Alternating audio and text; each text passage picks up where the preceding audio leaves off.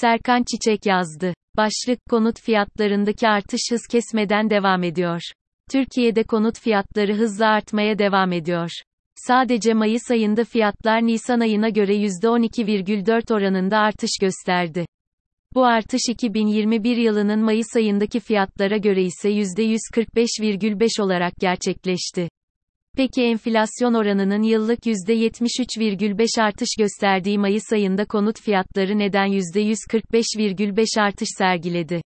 Maliyet artışı ana belirleyici unsur konut fiyatları üzerindeki belirleyici unsurlardan biri maliyetler. İnşaat maliyetleri bir önceki yılın aynı ayına göre %105,7 artış göstermiş. İnşaat maliyetlerini malzeme ve işçilik maliyetleri olarak ikiye ayırdığımızda ise malzeme maliyetinin baskın maliyet kalemi olduğunu görüyoruz. Bu kalem aynı dönemde %130,7 artmış. İşçilik maliyetindeki artış ise %44,1 olarak gerçekleşmiş. İnşaat maliyetleri, dikkat edilirse, 2021 yılı boyunca konut fiyatları ile çok yakın bir seyir izliyor.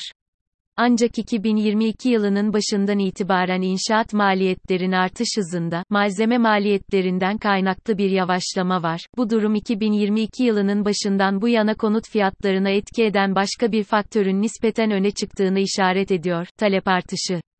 Düşük faiz politikası talebi canlı tutuyor politika faizleri hatırlanacağı üzere 2021 yılının Eylül ayından itibaren düşürülmeye başlandı ve bu düşüşün ilerleyen zamanlarda da devam edeceği ifadesi ekonomi yönetimi tarafından sıklıkla zikredildi. Faizlerin aşağı yönlü bir seyre geçmesi, konut fiyatlarının birkaç sebeple artmasına neden oldu. Bu sebeplerden biri varlıkların bileşeninde meydana gelen değişimdir. Faizlerin düşmesiyle birlikte Türk lirası cinsinden tasarruf gerçekleştiren kişiler, paralarının değerini koruyabilmek için alternatif varlıklara yöneldiler. Dövize yönelmeyi tercih etmeyen kişilerin ağırlıklı olarak parasını konuta ve kısmen altına çevirmesi, talebi tetikleyen unsurlardan biri oldu. Talebi artıran ikinci faktör ise kredi kanalı kaynaklıydı.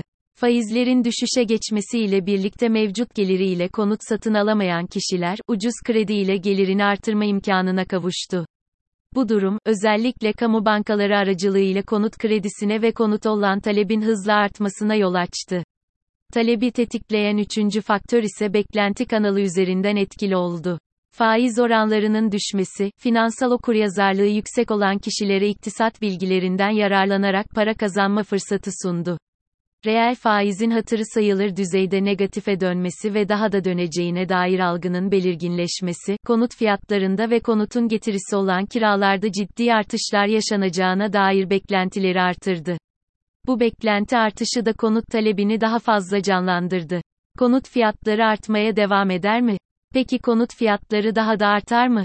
İzlenen politikadan dönüş yapılmayacağına dair sinyaller, konut fiyatlarındaki artışın süreceğine işaret ediyor.